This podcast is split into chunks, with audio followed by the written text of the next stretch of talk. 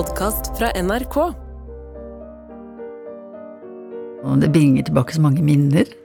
Det er det ene. Så er det så Så er det dette utrolig vakre da med å være ung og ha et liv i vente. Og jeg er jo i en alder nå hvor jeg Jeg kan ikke tenke sånn hele tiden at ja, nei, åh, jeg har uendelighet av tid. Har jo ikke det, vet du. Det er sommer, og jeg har bedt eh, psykolog Sissel Gran om å komme på besøk og dele et dikt. Hun har vært gjest i denne podkasten ganske mange ganger, og blitt en skikkelig lytterfavoritt. Vi er mange som vil vite hva hun har på hjertet.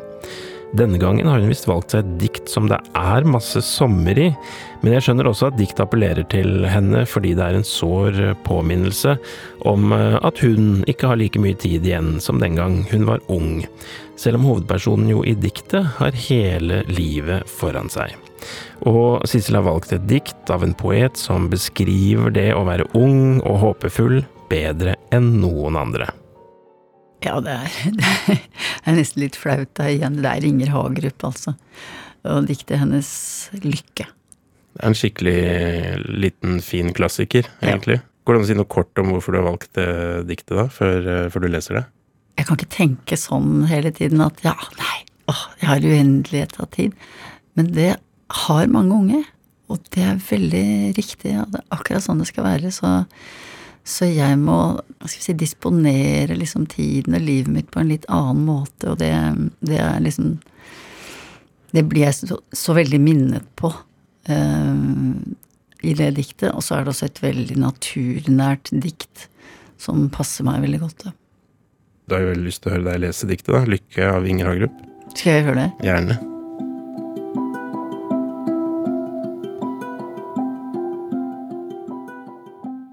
hva lykke er. Gå på en gressgrodd setevei, i tynne, tynne sommerklær, klø sine ferske myggstikk med doven ettertenksomhet, og være ung og meget rik på uopplevet kjærlighet. Og få et flolett spindelvev som kjærtegn over munn og kinn, og tenke litt på vær og vind, ved prestekravene om råd, og kanskje ja, og kanskje nei, han elsker, elsker ikke meg, men ennå ikke kjenne deg.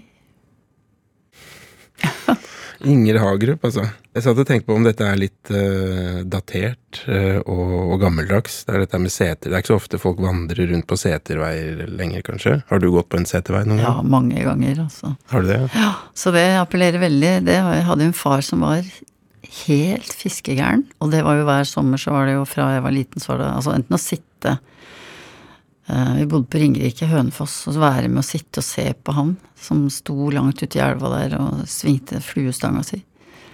Og sitte på bredden og se på far. Og etter hvert veldig mange somre på, på, fjellet. Ikke på egen hytte, for det hadde vi ikke, men leide hytter, små leide hytter med kubjeller og sauer og geiter og fiskevann. Hvor far kunne utfolde seg, da. Og det, og det som var fantastisk, vet du, på de før, det var engene. Blomsterengene. Som var helt fantastiske, vet du, med humlesurr og sommerfugler og all verdens vidunderlig vakre, um, ville blomster. Ja. Engsmelle, prestekrager, blåklokker, fuglevikke Altså Jeg unner alle liksom den følelsen av å gå på en blomstereng. Og den tror jeg mange ikke opplever i dag. Mm. For det er veldig spesielt. Ja, Hvordan er den følelsen, da? Den er veldig varm, da. Og så er det lyd. Mye mindre enn før, dessverre. Men det er lyden av summende insekter og synet av flagrende sommerfugler.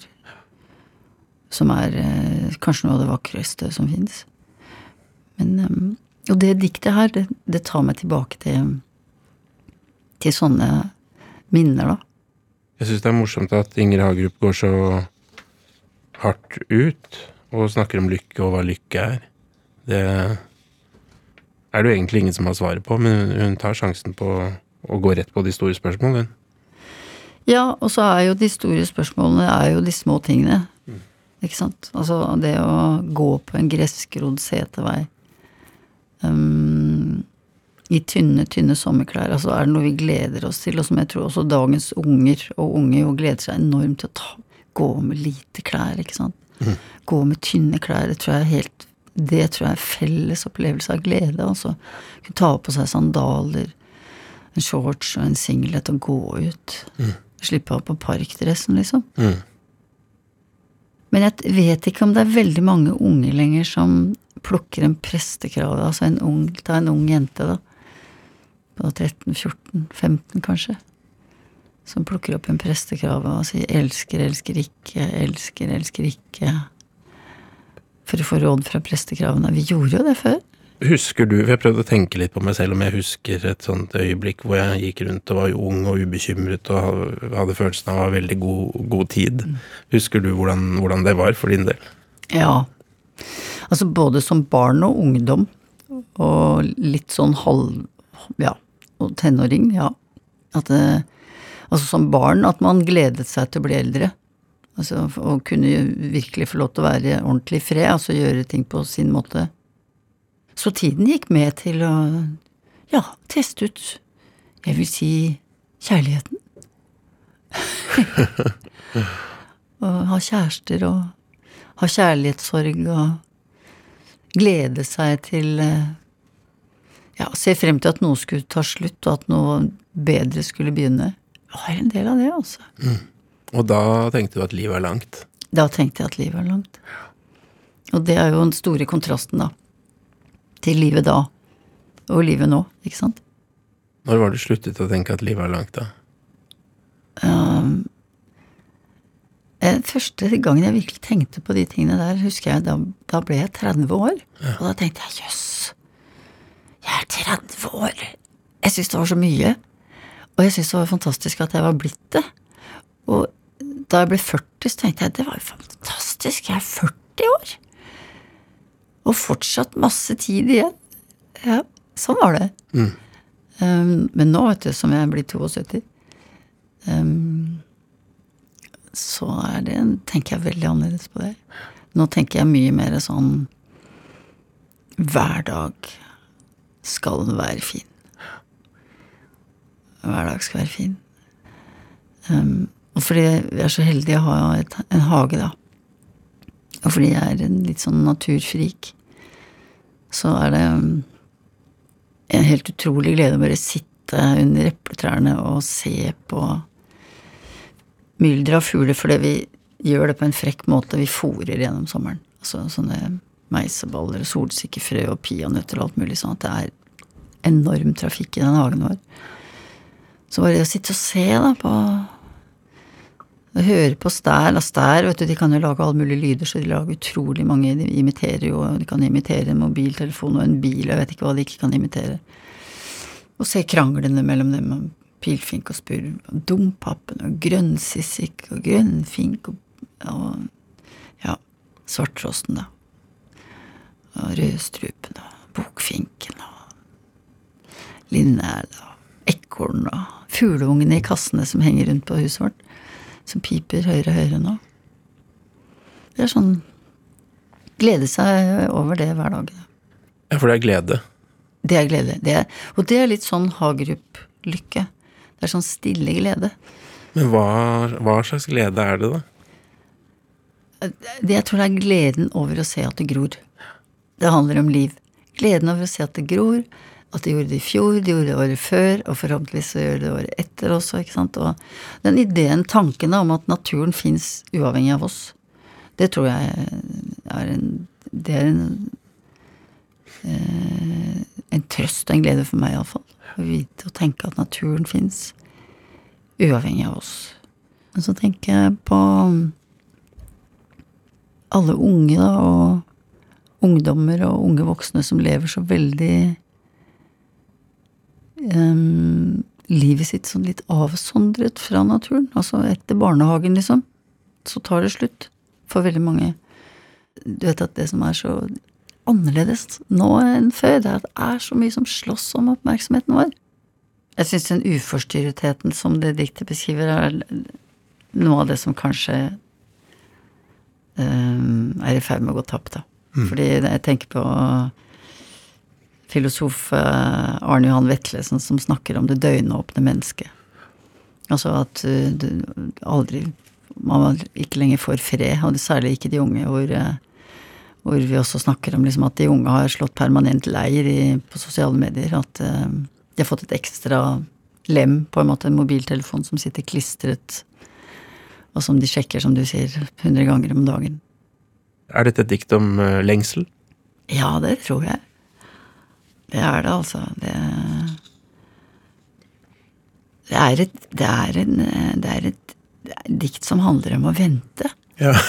ikke sant? Å ha et liv i vente. Altså, det handler om å vente på at det skal skje noe, for det det husker jeg veldig godt, hvordan det var. Og sånn er det for veldig mange barn og unge, tror jeg, at de venter på at noe mer skal skje.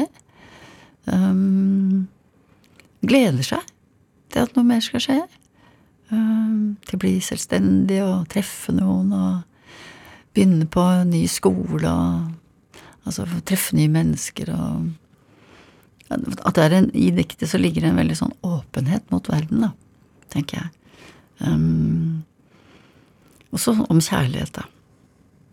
Be prestekravene om råd, og kanskje ja og kanskje nei. Han elsker, elsker ikke meg, men ennå ikke kjenne deg. Kan du tenke deg en finere avslutning på et dikt?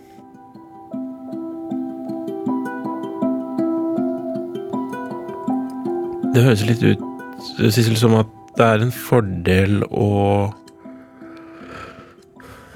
komme fram til hva som er ens egen lykke, da, eller kilde til glede, eller å dyrke det maksimalt. Det er ikke sikkert alle syns det er helt lett, og nå har jo du småfuglene dine og, og disse små insektene som du kjemper med med pekefingeren, og, og jeg kjenner meg veldig igjen i det, da, med naturen og det som gror og, og sånn. Og skammer meg litt over det, tenker jeg begynner å bli litt så halvgammal at jeg syns det er så morsomt med disse fuglekassene og blir helt besatt av det. Men jeg syns det er veldig fint. Um, og det er veldig fint å få noen sånne ting i livet, men det kan ta litt tid kanskje før man får sånn bilde av akkurat hva det er som, som, skaper den gleden. Ja, det tror jeg. Men eh, det tror jeg Det er vel noe med at jeg alltid har hatt det sånn. Jeg har alltid Alltid vært så glad i skogen og sukkende mos og blomsterenger og Sukkenmos er når du tråkker på det? Sukkende mos, ja. Det sukker i mosen når du tråkker på fuktig mos, så sukker mosen. Det sånn. Og granskjegget som henger der, som vi satt, lagde bart av da vi var små, ikke sant. Og kvan som vi tygde på altså de der små blomstene som heter gjøkesyre, eller gaukesyre, da, som vi kalte det. Som vi plukket en hel bukett av de, og så stappa vi hele buketten i munnen ikke sant, og tygde. Det var sånn utrolig syrlig, men utrolig godt. Så de smakte jo mye på naturen. Um, og så var jeg en ivrig bærplukker da jeg var liten, og det var familien min òg. Og det driver jeg fortsatt med. Det er jo litt sånn mannen min og jeg går i skogen og plukker sopp og bær, da. Har med kurv og alltid et lite bærspann står vi der og plukker bær, da. Og da hender det at ungdommen jogger forbi og smiler sånn til disse to gamle som står der og plukker bær, ikke sant, istedenfor å gå på Rema 1000. Men det er jo ingenting som smaker så godt som syltetøy som er lagd av ville bringebær. Sissel Gran, tusen hjertelig takk for at du kom. Da avslutter jeg denne episoden med å lese Inger Hagerups dikt 'Lykke'. Hva lykke er. Gå på en gressgrodd setervei, i tynne, tynne sommerklær, klø sine ferske myggestikk, med doven ettertenksomhet, og være ung og meget rik på uopplevet kjærlighet. Å få et flolett spindelvev som kjærtegn over munn og kinn, og tenke litt på vær og vind, be prestekraven om råd, og kanskje ja, og kanskje nei, han elsker, elsker ikke meg, men ennå ikke kjenne deg.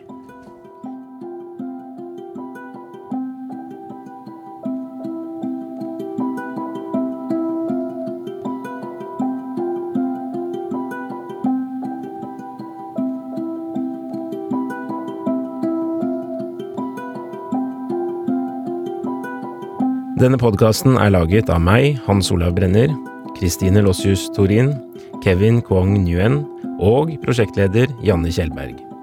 Redaksjonssjef Helle Vågland. Sommer i P2. Jeg har tjenestegjort i Kosovo og Afghanistan, og for det så har jeg fått eh, både utmerkelser og medaljer. Men som du vet, så har alle medaljer en bakside.